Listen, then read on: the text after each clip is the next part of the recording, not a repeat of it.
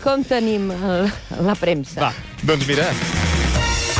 Tenim moltes cosetes. Tenim, per exemple, el Mundo, que segueix incansable en la seva insistència en que vivim temps de profunda divisió, d'una conflictivitat a Espanya que pot acabar, si no es resol, amb una guerra civil. En un primer moment ens pensàvem que el debat que divideix eh, era polític, Hmm. potser acotat a la polarització del moment. Casado o Santa María. La batalla que divide España. Però no, eh? Mm, La cosa no anava per aquí No? i... No, no, no. S'ha redactat un altre esborrany amb un nou possible causant d'aquesta divisió, en aquest cas monàrquic. Reina Sofía o Reina Leticia. La batalla que divide España. Però tampoc... Hmm. Aquest és un tema, eh? Sí, t- però tampoc era qüestió de llançar merda a la Casa Reial amb la que tenen muntada amb el cas Corina, així que el que han acabat titulant, el que realment trenca el país per la meitat, el que crea tensió de debò, és l'alimentació infantil. Teta o biberón. La batalla que divide España. Això és el que titula avui El Mundo, eh? Sí, home. Teta o biberon, la batalla que divide Espanya. Això sí que pot arribar a les mans, eh?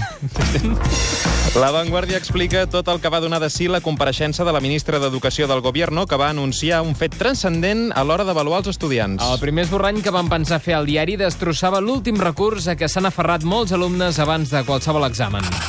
Ja pots resar tots els parenostres que vulguis, que això no et farà provar. Vaja, però Ah. el que han acabat publicant és això altre.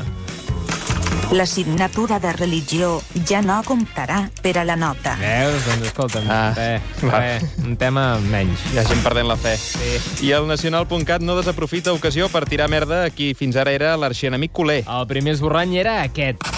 Cristiano Ronaldo, només fitxar per la Juventus, ja l'està liant a Itàlia, el molt mal parit. Però al Carai. final han preferit estalviar-se el qualificatiu Ah, val. i concretar el titular quina és aquesta liada que ha provocat el portuguès. Els treballadors de l'empresa Fiat en vaga per culpa de Cristiano Ronaldo. Clar, volen protestar perquè la Fiat és la principal patrocinadora de la Juve i acumula acomiadaments i restriccions salarials mentre veuen com Cristiano percebrà un sou re de 30 milions anuals. Ah, clar, clar, Saps? doncs que ja veus. No passa res, com això de les desigualtats aquí, el rei amagant el patrimoni. És- Són coses que passen a la vida. Coses, cosetes, sense importància.